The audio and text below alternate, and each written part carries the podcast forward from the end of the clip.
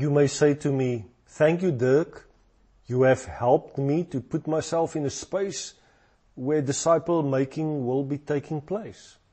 This is the smaller group where we are discipled by Jesus and where he works through me to disciple others and also where he works through others in making a disciple of me. In other words, to learn more about him, to grow in spiritual maturity, becoming more and more like him. I know that is what I need to do now. I am hoping that this is what you are going to say. But you may also ask me, where am I going to find the three, five, or six people for a disciple making group? That is quite easy to answer.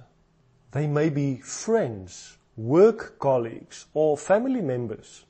But it may also be new people whom you befriend and begin relationships with. But remember, the group must not become too large though. I get quite nervous when there are more than eight people in a group. Also keep in mind that the goal is always that these disciple making groups, once the people have become comfortable and confident in the group, knowing how it functions, then it is time for you to start your own group. That means that you have to get new people into your own group through new friendships and relationships because you have a personal focus on making disciples for the kingdom of God.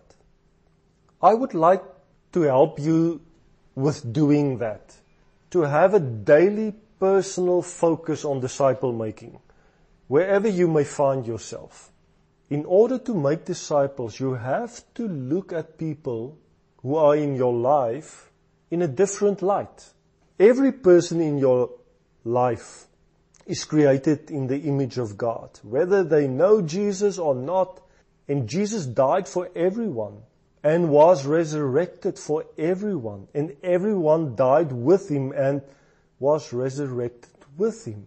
Therefore, Jesus invites everyone to follow him and to come into a relationship with him and to experience his presence in their lives.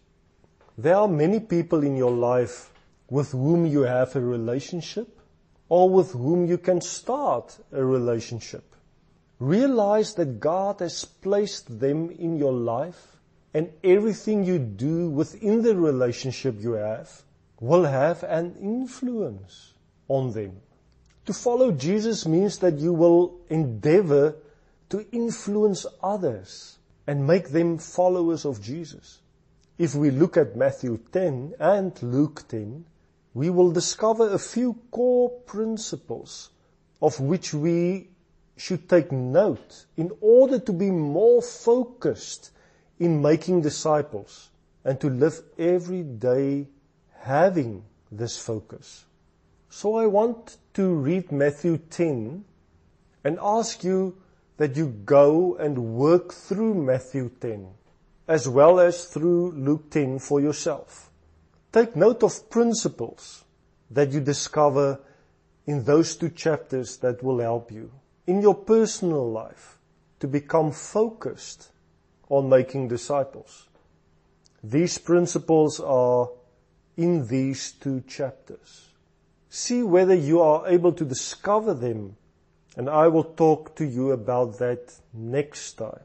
But for now, I will read Matthew 10 verse 1 to 16 and 28. He called his twelve disciples to him and gave them authority to drive out evil spirits and to heal every disease and sickness. Then verses 2, 3 and 4 records the names of the twelve disciples. Then from verse 5 we read, These twelve Jesus sent out with the following instructions. Do not go among the Gentiles or enter any town of the Samaritans. Go rather to the lost sheep of Israel. As you go, preach this message. The kingdom of heaven is near.